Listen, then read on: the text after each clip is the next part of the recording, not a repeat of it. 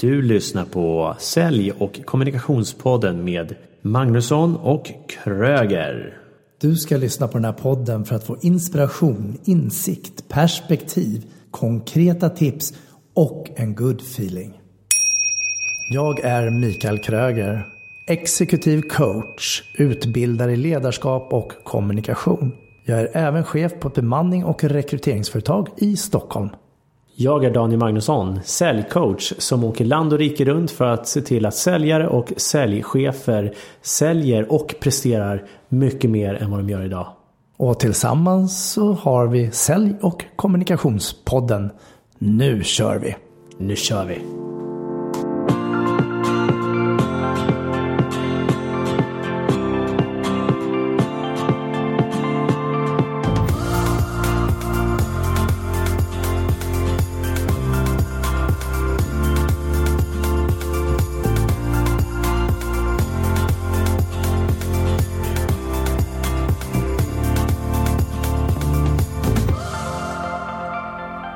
Välkomna till avsnitt 35.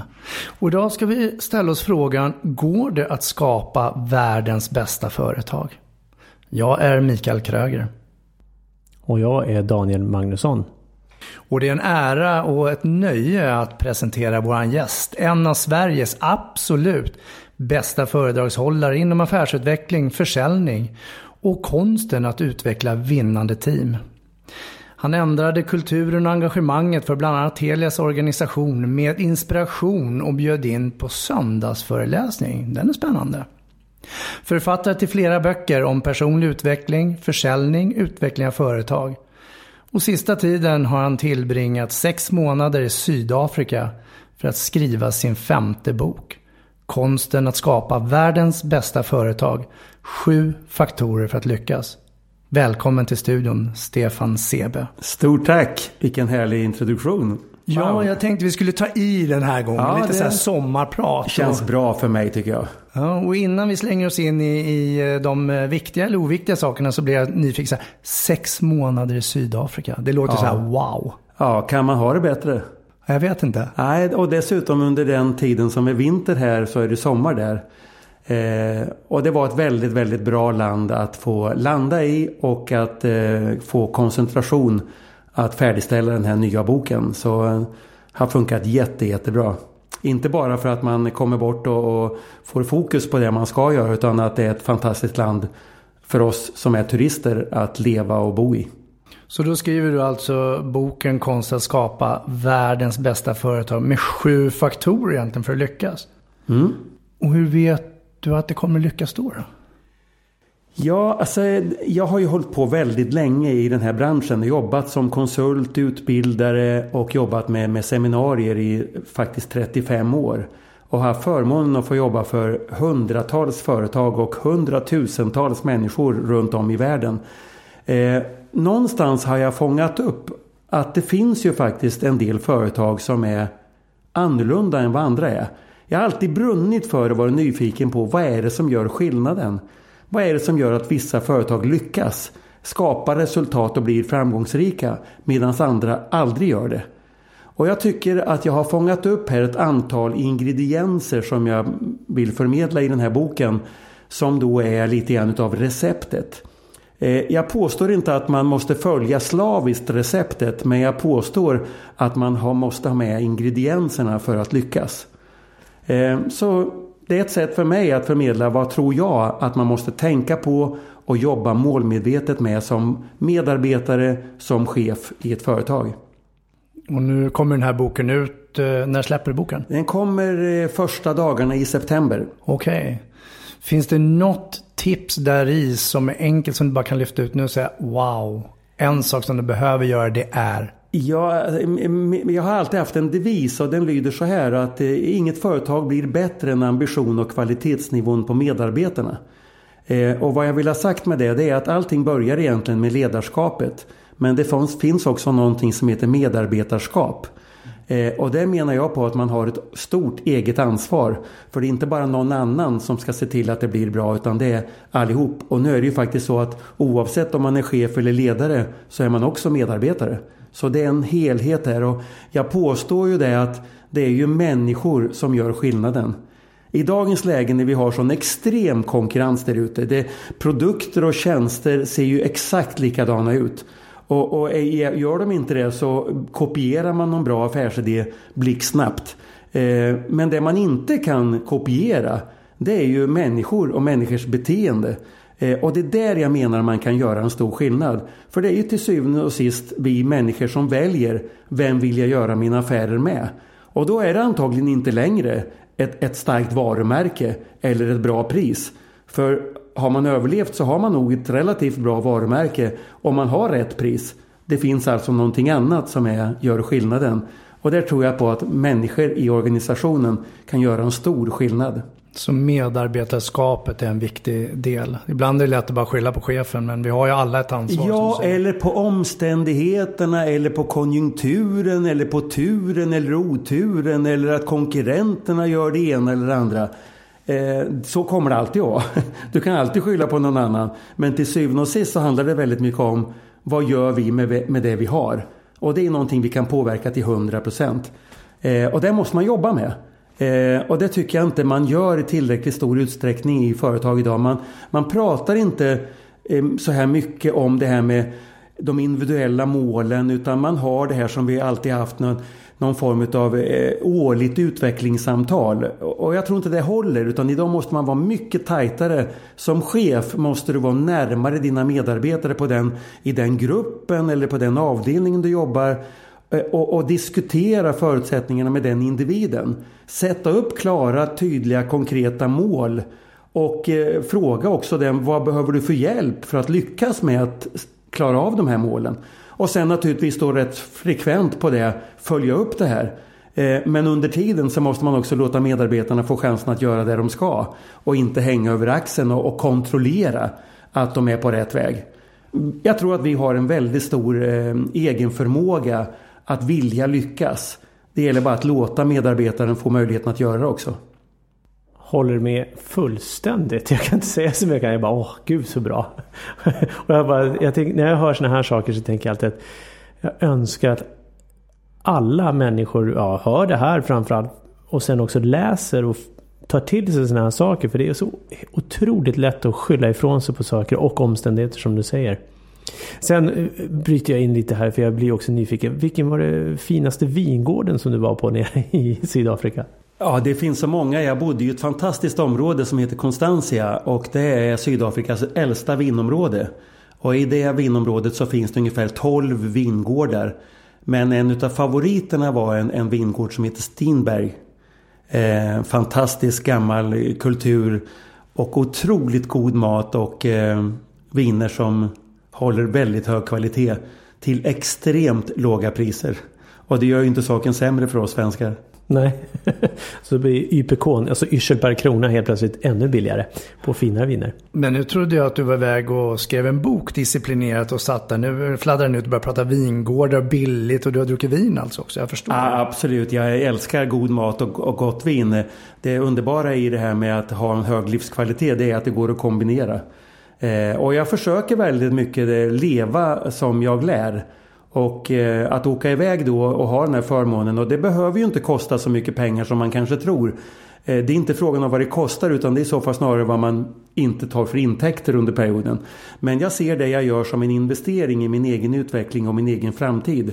Och, och jag både tror och känner att den här nya boken kommer att eh, få en bra genomslagskraft. Eh, och, och, som du sa att eh, jag önskar att många ska läsa den och det önskar jag också. Men inte bara läsa den.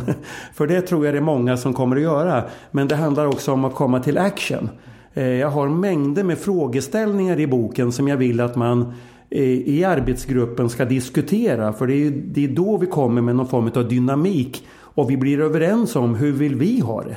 För det är inte någon som ska vilja utan det här är någonting vi alla måste vilja. Och då blir man ett starkt företag med en stark företagskultur som verkligen har en ambition att förändra så att någonting blir väldigt mycket bättre.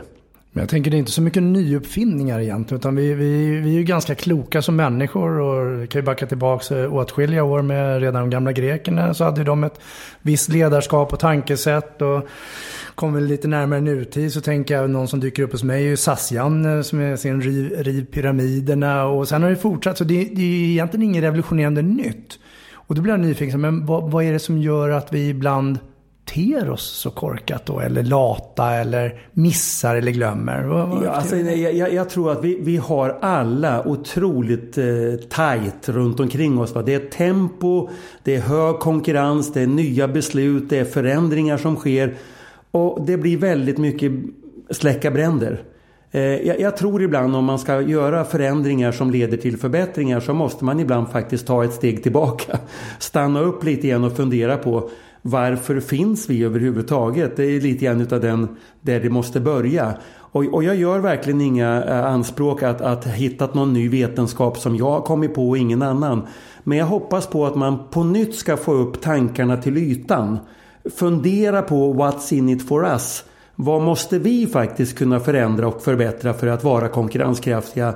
Eh, inte bara imorgon utan längre framöver också. Eh, och det här med att vara konkurrenskraftig. Vi pratade inledningsvis lite grann om det här med medarbetarna och det tror jag kommer vara eh, en stor utmaning för de flesta företagen i Sverige. För duktiga, bra medarbetare med rätt attityd, det är en bristvara. Så därför så måste man fundera på vad har vi för syfte med vår verksamhet? Vad har vi för värderingar? Vad står vi för? Vad har vi för varumärke? Vad är det som gör att människor vill jobba hos just oss? Och då är, vi inte, då är vi tillbaka på det, det är inte produkten och det är inte företagsnamnet utan det är hur vi jobbar med de tjänster och produkter vi har. Och lyckas jag då med att förmedla våra värderingar och ett starkt varumärke så kanske jag också attraherar rätt typ av människor. Och då har jag ju en fördel emot alla andra som säger sig vi måste skaffa oss en, en ny anställd. För då får man någon som kommer till jobbet för att få betalt. Eh, och det är inte eh, min värld utan jag vill ju ha en medarbetare som brinner för det de jobbar för och kommer till jobbet för att de vill vara med och utveckla. Men det räcker ju inte med att anställa utan det handlar också om hur tar vi hand om de här medarbetarna under tiden vi har dem till låns.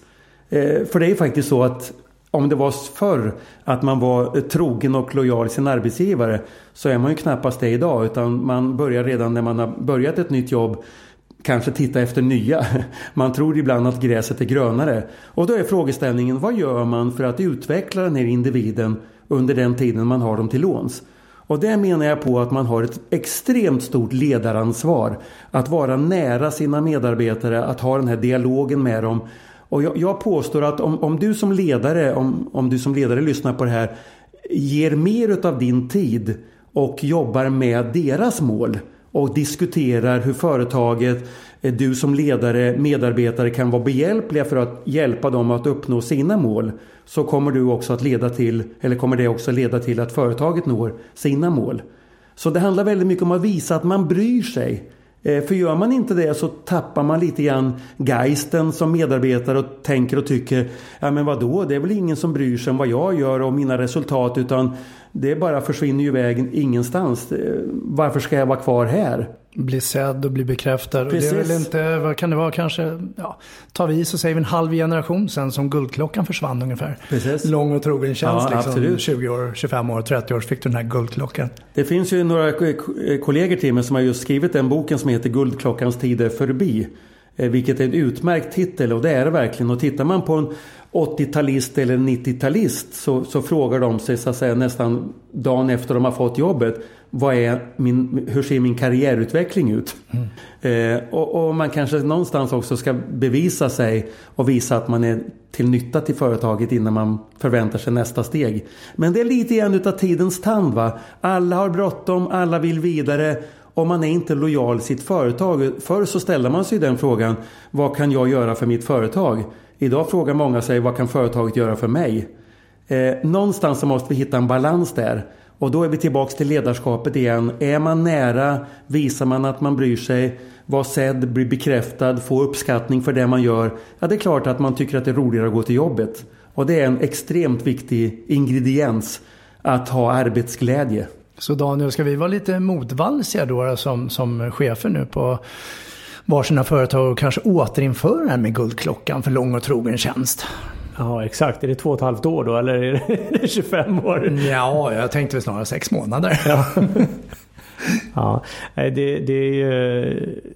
Jag tänker så här som du säger det här med att man börjar titta direkt på något annat och man börjar titta på att gräset är grönare på den andra sidan. Och det, det gäller att alltid titta på vad det jag kan göra i min situation och vad är det som gör att jag kan uppleva att gräset är grönare på andra sidan. Både som ledare men också som medarbetare.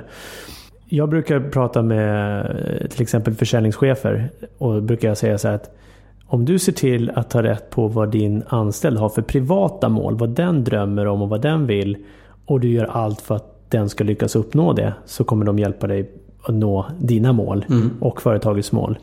Och, och jag tror att en del är rädda för att ställa de frågorna. För tänk om den anställde kanske vill sluta starta eget. Och då tänker jag så här, det blir jättebra att du får reda på det i det, i det fallet. Och så kan vi säga så här, okej, okay, vad behöver du ha för att starta eget om ett år då? Mm. Eh, kan jag hjälpa dig att uppnå det så du kan få det startkapitalet eller och sen kan ju du ha en, en dold agenda som, som försäljningschef då att jag ska göra den här medarbetaren så pass nöjd så att han inte vill starta eget. Mm. Eh, inte för att sätta krokben utan för verkligen att eh, mm. skapa den miljön som är så pass bra.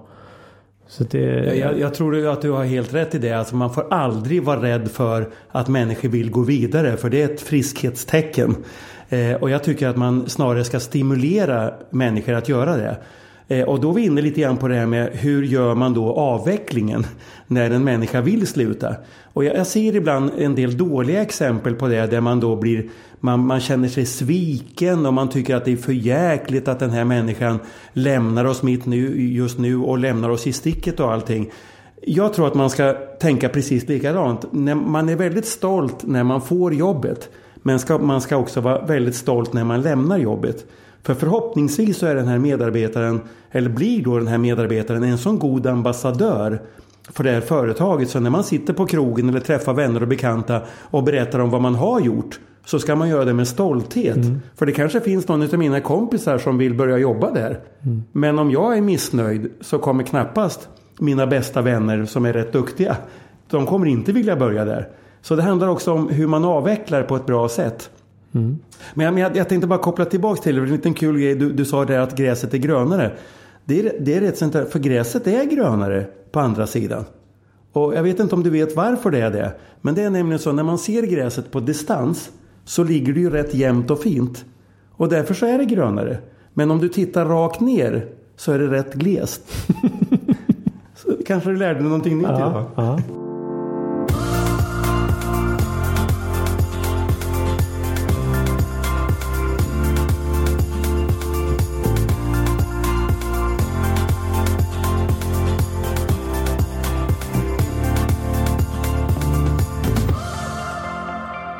Dagens ledare, dagens medarbetare, vi lever ju ständigt mot klockan eller med klockan. Tidsbrist är ju väldigt vanligt, många ineffektiva möten och annat som förekommer.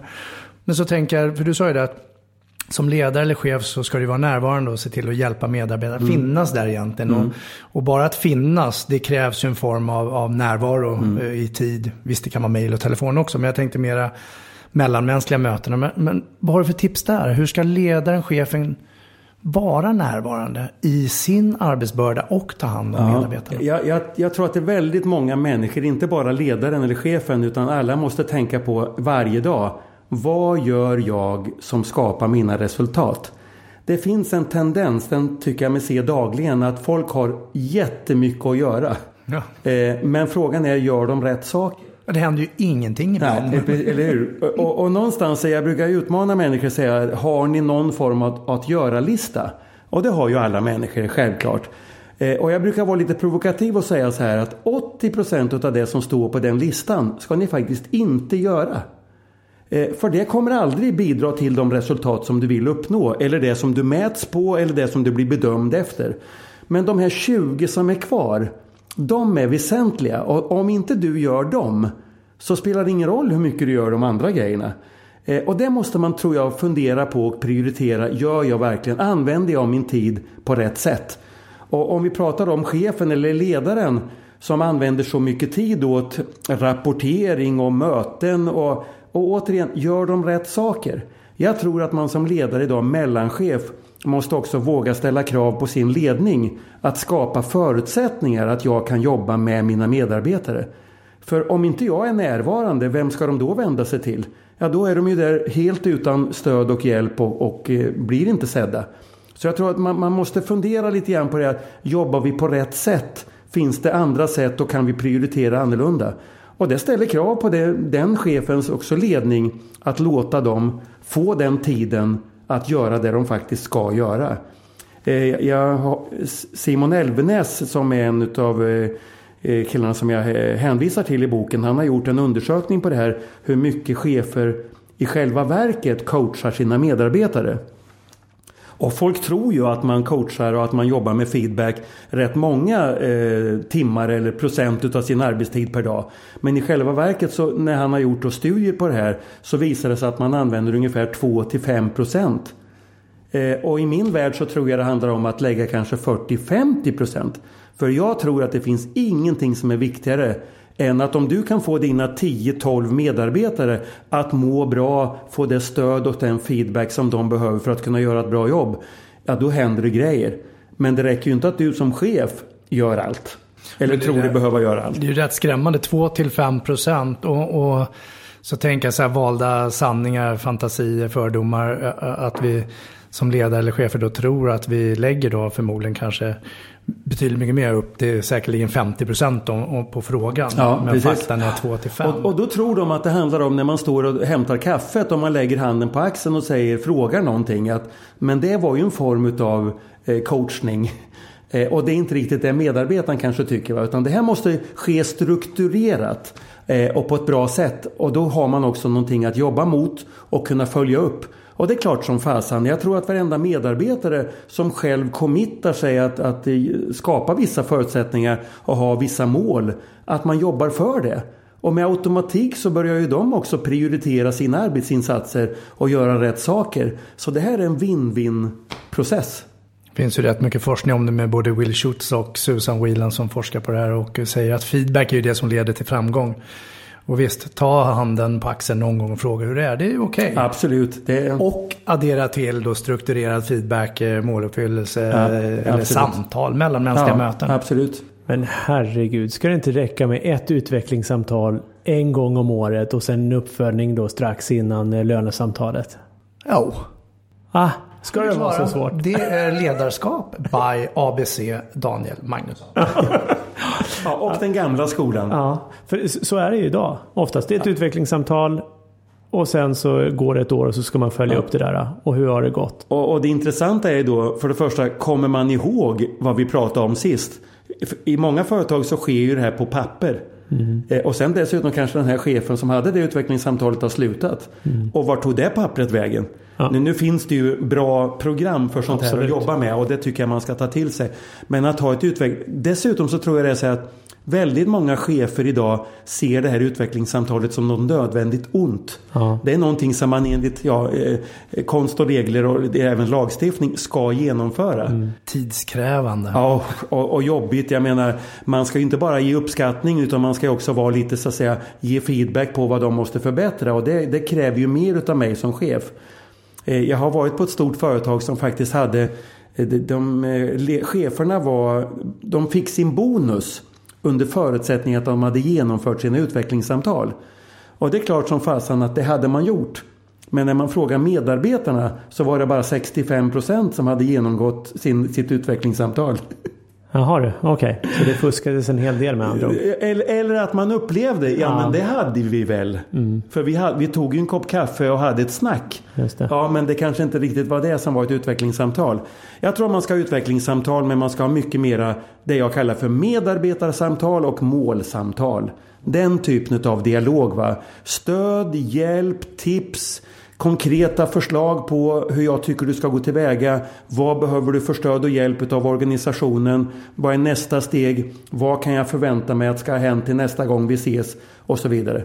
Det triggar mig som medarbetare att gå därifrån med energi och ambition att nu jävlar ska jag leverera. Mm. Jag tog en uh, liten genväg här. Uh, dels har jag medarbetarsamtal men det avsätter ungefär två timmar. Och sen sex månader efter följs det upp med en timme. Och det är ju tid i sig men det är ju det stora övergripande. Men eh, här för någon vecka sedan så tog jag en, en genväg med medarbetarna. Och då sa jag, nu vill jag ha kvartssamtal.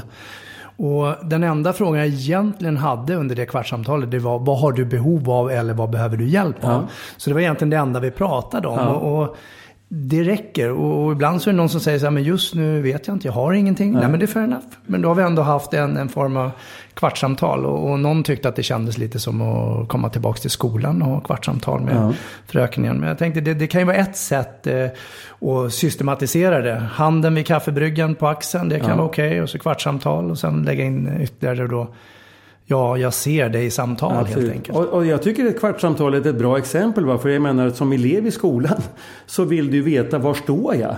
Och vad behöver jag göra mer eller bättre? Och det är precis samma sak när du kommer upp i arbetslivet. Det är bara att det är vuxna människor som jobbar med frågorna. Och sen så förväntas det på något sätt att som vuxen så ska man förstå det själv. Och om, om man ska ha det ansvaret att man ska kunna klara av att sköta sig själv. Jag, jag tror ju att e, alla människor behöver mer stöd och support och hjälp. Eh, men man frågar väldigt sällan att få det man, man, vi är lite uppfostrade så med Jante på ena axeln och Luther på den andra. Att man ska vara så duktig och man ska vara så präktig. Eh, så man vill inte ens fråga om hjälp. Men om det är någon som frågar dig om det, jag kan ge dig någon hjälp. Ja, då är det ju mycket lättare naturligtvis att öppna sig. Och där har ledaren ett stort ansvar. Men vi gillar ju också att ge hjälp. Vi gillar ju, alltså det är inbyggt i biologiska naturen, att vi gillar att hjälpa andra. Då, om vi bara får chansen. Ja men precis, Absolut. så där tänker jag också. Men vad är det som gör att vi är så rädda för att fråga om ja. hjälp egentligen? Och då tycker jag vi ska komma in också på, på, att man har ett medarbetaransvar. För det här är faktiskt inte bara chefens ansvar utan dina medarbetare, dina arbetskamrater ser ju också om du har det jobbigt eller att du inte fungerar som du ska. Och att då gå fram till den medarbetaren och fråga du, jag ser att du har jättemycket att göra eller att du inte mår speciellt bra. Är det någonting jag kan göra för att hjälpa dig? Är det någonting jag kan göra för att underlätta? Ja, då äntligen kanske jag kan säga att ja, det vore ju jättebra om du och plötsligt så hjälps man åt att lösa någonting. Det går snabbare, det är roligare och det blir antagligen bättre. Om kulturen finns. För det kan ju vara Absolut. som att säga så här, men hur mår du? Och så säger du, ja det är bra svarar vi oftast. Är det någon som, är det någon som svarar så här, jag mår skitdåligt och så börjar han bottna ur det där. Då blir det ungefär att någon tittar på klockan och säger, du, jag har inte tid just nu, kan vi ta det vid något annat tillfälle? Ja, precis. Så det gäller att ha det ja. som en, en kultur också. Ja, och, och, och, ha en väldigt bra, en människosyn på att det, det är en medarbetarsyn som är då att det är de som är viktiga. Va? Jag menar om en maskin går sönder, ja då reparerar man ju den så fort det bara går. För man vet att om inte den funkar så producerar den ingenting. Men hur är det med människor? Som inte mår bra eller som, som har något problem eller inte är sjuka eller del, har delsjukdom eller vad man nu ska kalla det. Ja, de producerar ju inte speciellt mycket. Eh, men där tar vi inte hand om det på samma sätt och det tror jag man måste se och det gör man ju genom att ha nära dialog för då blir man ju trogen och man blir också ehm, man får ett förtroende, vad det jag skulle säga, förtroende för den här ledaren att han eller hon faktiskt verkligen bryr sig. Jag hade ett samtal för ett tag sedan eh, med en som, som kom till mig och fick coachning. Och eh, jag frågade så hur mår du? För jag visste att det var lite ostabilt sedan veckan innan. Och Jo, sa hon. och eh, det är bra. Så, så frågade jag, ja men hur är det egentligen? För jag, jag vill veta, sa jag. Och sen brast det. Mm. Eh, för att, och hon i det här fallet ber om ursäkt också. Och jag sa, du behöver absolut inte be om ursäkt. Eh, och hon tackade sen efter samtalet. Och sa, ja, tack själv sa jag för att du delar med dig. För genom att du berättar hur du mår så kan jag faktiskt också hjälpa dig. Precis. För att annars så, om jag då skulle försökt hjälpa henne så hade ingenting hjälpt. Om, om hon hade då fortfarande varit kvar i sina ja. tankar och mått som hon gjorde. Och förhoppningen är att hon mådde i alla fall lite bättre efter vi var klara. Men det är precis som du säger. Jag menar om du som chef inte vet att det är ett problem eller att det är någonting som inte fungerar som det ska. Då är det ju svårt att göra någonting åt det. Men om jag vet att det är ett problem eller någonting. Ja då har jag också ett ansvar att se till att bidra till att göra någonting som gör mm. att det blir en förändring. Exakt. Och, och någonstans så, så är det en del av jobbet. Ja, för det, för om man tittar då på medarbetare då som går och klagar bakom ryggen eller någonting och börjar prata. Lyft problemet istället direkt med, med, personen. Det behöver inte vara med, med ledaren eller chefen utan det kan vara en kollega. Och då, då är vi återigen i feedback. Jag, jag skriver om det i boken om det här med att ta hand om konflikter. Mm. För är det någonting som tar energi och, och, skapar improduktivitet det är ju när folk snackar och diskuterar och har synpunkter på en det ena än det andra. Om man tycker illa om någon eller någon avdelning som inte gör vad de borde göra. Upp med problemet på bordet, diskutera det, få en förståelse för varför det är som det är och diskutera konstruktiva lösningar. Ja men då finns det ju alltid lösningar på alla problem. Och många gånger handlar det om att förstå den andras perspektiv. För att det är så lätt att ja, men att vi ser, återigen lite med gräset där, ja. att vi ser det från vårat sätt och våra värderingar. Och, och, det gäller att ha en öppenhet och en förståelse att andra människor kan faktiskt se saker och ting på annorlunda Precis, sätt. Absolut. Uh, så att uh, feedback är bra. Ja, barn är ju fantastiska exempel på det. Liksom fem, åttaåringar, de leker, de, har, liksom, de sätter sina egna ramar, sina egna regler och så leker de och sen tjafsar de en stund och så reder de ut och så fortsätter de att leka, lite gråt och lite.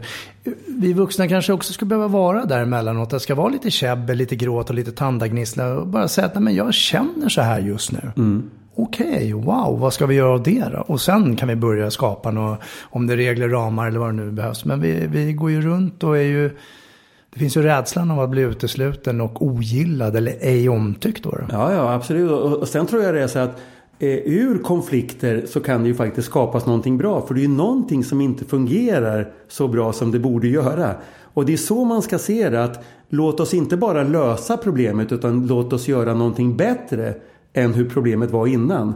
Och då är vi konstruktiva och då skapar vi förändringar som leder till förbättringar i det långa perspektivet. Och det är en utmaning. Så därför man behöver inte vara rädd för det här. Utan tvärtom se det som att eh, jag har ju skrivit en säljbok också. Jag pratar där om det här med reklamationer. Det finns en parallell med det tycker jag. För man är så rädd för en reklamation. Det är ju inget bra. Men i min värld så gjorde jag om det uttrycket så jag kallar det numera för en reklamaktion. eh, och, och, jag tycker att det är precis som det är. För om någonting inte fungerar bra, någon behöver reklamera ja då finns det någonting som vi som företag kan lära oss av det och faktiskt bli bättre på. Om kunderna inte talar om att de inte är nöjda med tjänsten eller produkten Ja, då står vi där och håller på och gör fel saker. Så man ska vara extremt tacksam för att det är någon som vill reklamera. Och man ska vara tacksam för att det dyker upp konflikter där man vill olika saker för det leder till utveckling. Reklamaktion. Ja, jag hörde kritik eh, gratis konsult, eh, konsultation. Free consulting. Det är samma sak där också. Att nu får jag kritik, nu har jag möjlighet eh, och det är någon som i vanliga fall tar betalt och kommer in och tittar. Men kunden kan ju också klaga eller medarbetaren kan ja, klaga. Absolut. Och det som jag pratade om tidigare, det, som, det finns egentligen två huvudnycklar som leder till, till bättre relationer mellan människor och eller grupper eller företag. Och det är konflikten och det är feedbacken. Mm. Frågan är bara hur vi ska hantera dem. Så det är det. Jag, jag skulle vilja lägga till också en bra kommunikation. Att man hela tiden pratar med varandra. För det finns ju företag och människor som tror att den andra människan borde se själv eller förstå att det är ett problem. Och jag brukar säga det, herregud jag är man, jag fattar ingenting om inte man talar om det för mig. Jag kan inte se, jag kan inte förstå, jag kan inte känna att det inte är bra om jag inte ser problemet. Men när jag väl vet och ser att det är ett problem, då har jag också ett ansvar att försöka göra någonting bättre utav det. Du har ju skrivit en bok om eh, försäljning. Ja. Då blir det ju så här, då behöver vi ju höra tre bra tips för att bli den bästa säljaren. Du kanske redan är bra idag, men du ska ta det extra snäppet. Ja. Vad har du för tre bra tips där för att lyckas? Eh, alltså det, det, egentligen så är försäljning, tycker jag, eh, rätt enkel. Va? Det, det handlar om att man måste lyssna på kunden. Eh, det, det är ju kundens behov som styr om man överhuvudtaget ska kunna sälja. Eh, så att, att göra ett bra kundurval på de kunder som eh, har det här behovet. De kanske inte vet om att de har behovet. Eh, för de har någon annan leverantör på det. Men jag måste verkligen försöka diskutera hur de jobbar idag. Lyssna väldigt mycket. Och sen vara väldigt duktig på att presentera bättre lösningar. För antagligen så har jag i min tjänst eller i min produkt någonting som gör att eh, om de handlar utav mig så blir de bättre, de blir lönsammare, de blir effektivare eller vad det är nu de blir. Och kan jag det på ett sånt sätt, inte sälja på dem det, utan presentera vilken kundnytta, vilken kundfördel jag kan göra. Då är jag rätt säker på att kunden ser och förstår sitt eget bästa. Och sen handlar det bara om att följa upp det här med bra service och kvalitet. Så kan man få ihop de här tre delarna, va? att lyssna på kunden, duktig på att ha en bra presentationsförmåga där kunden ser kundnyttan och fördelarna. Och sen som sagt var, inte bara tro att oj, nu, nu är vi hemma, nu har jag fått orden. För det är då jag brukar säga, det är då affären börjar. Eh, för det här ska ju vara långsiktigt och då kommer vi in på en annan sån här parameter som är svår att konkurrera med. Och det är ju vad betyder service och kvalitet för oss? Hur följer vi upp att vi gör ett bra jobb och fortsätter att leverera på den servicenivån och den kvaliteten som kunden faktiskt har rätt att förvänta sig? Och det, och det, är, inte det, det är inte bara säljarens jobb utan det är det faktiskt hela organisationens jobb. Jag brukar uttrycka mig så här att alla är inte säljare men alla säljer. Eh, och det här med att ha en bra säljande kultur är också någonting som jag tar upp i boken här Världens bästa företag. För de som inte har en bra säljkultur, de eh, lyckas inte. Det är en sån här viktig parameter i det här. Varför de tycker att de har ett bra varumärke och de tycker att de har världens bästa produkter och de har ju ett lager och de har ju ett bra pris jämfört med alla andra. Men det hjälper inte om inte de omsätts. Och jag lyssnade faktiskt på Pete Wallenberg här, det är länge sedan nu när han fyllde 80 år. Eh, och han är ju nestor i familjen Wallenberg då eh, och eh, han uttryckte sig så här. Eh, han sa så här, försäljning är centrum för allt. Och jag höll på att trilla av stolen när jag hörde en man i hans generation och dessutom industrialist i Sverige som pratar om försäljning. För det här brukar vi prata om hur viktig tekniken är att vi ligger i framkant. Men han stirrar oss blint i ögonen och säger Försäljningen är centrum för allt. Och sen la han till Teknik är viktigt men ni förstår teknik som inte säljer det är bara en kostnad. Och i den här podden är det tillåtet att göra reklam för sina egna böcker också. Vi brukar ju ta upp och prata om böcker. Jag tänkte, jag har nämnt den här några gånger nu. Så jag är ju grymt nyfiken själv på att läsa den. Så jag, jag ser ju faktiskt prototypen här. Ja. Kanske behåller den. Jag, jag är själv väldigt stolt över den. För jag har ju haft ett antal eh, människor i olika befattningar som har, har läst boken. Och jag fick faktiskt den sista recensionen här i morse. Och då skrev den killen så här att du kan inte ana hur mycket pengar jag har tjänat på att läsa dina böcker. och då, det är klart, då, då, blir man glad. Och du säljer inte, men eh, försäljning är centrum ja, av allt. Faktum är, jag, jag brukar faktiskt skryta med att jag är dokumenterat en av Sveriges bästa säljare. För det är faktiskt så att när jag var 12 år så blev jag svensk mästare i lottförsäljning för scouterna. Ah. Eh, och så brukar jag lägga till, och ni förstår, brukar jag säga, jag har aldrig sålt. Och då blir man förstås lite nyfiken och då säger jag Nej, det enda jag har gjort det är att hjälpa människor att köpa. Och det är en stor skillnad för mig. Eh, stort hjärta. För det handlar inte om att kränga på eller pådyvla som lite grann utav jargongen inom försäljning är.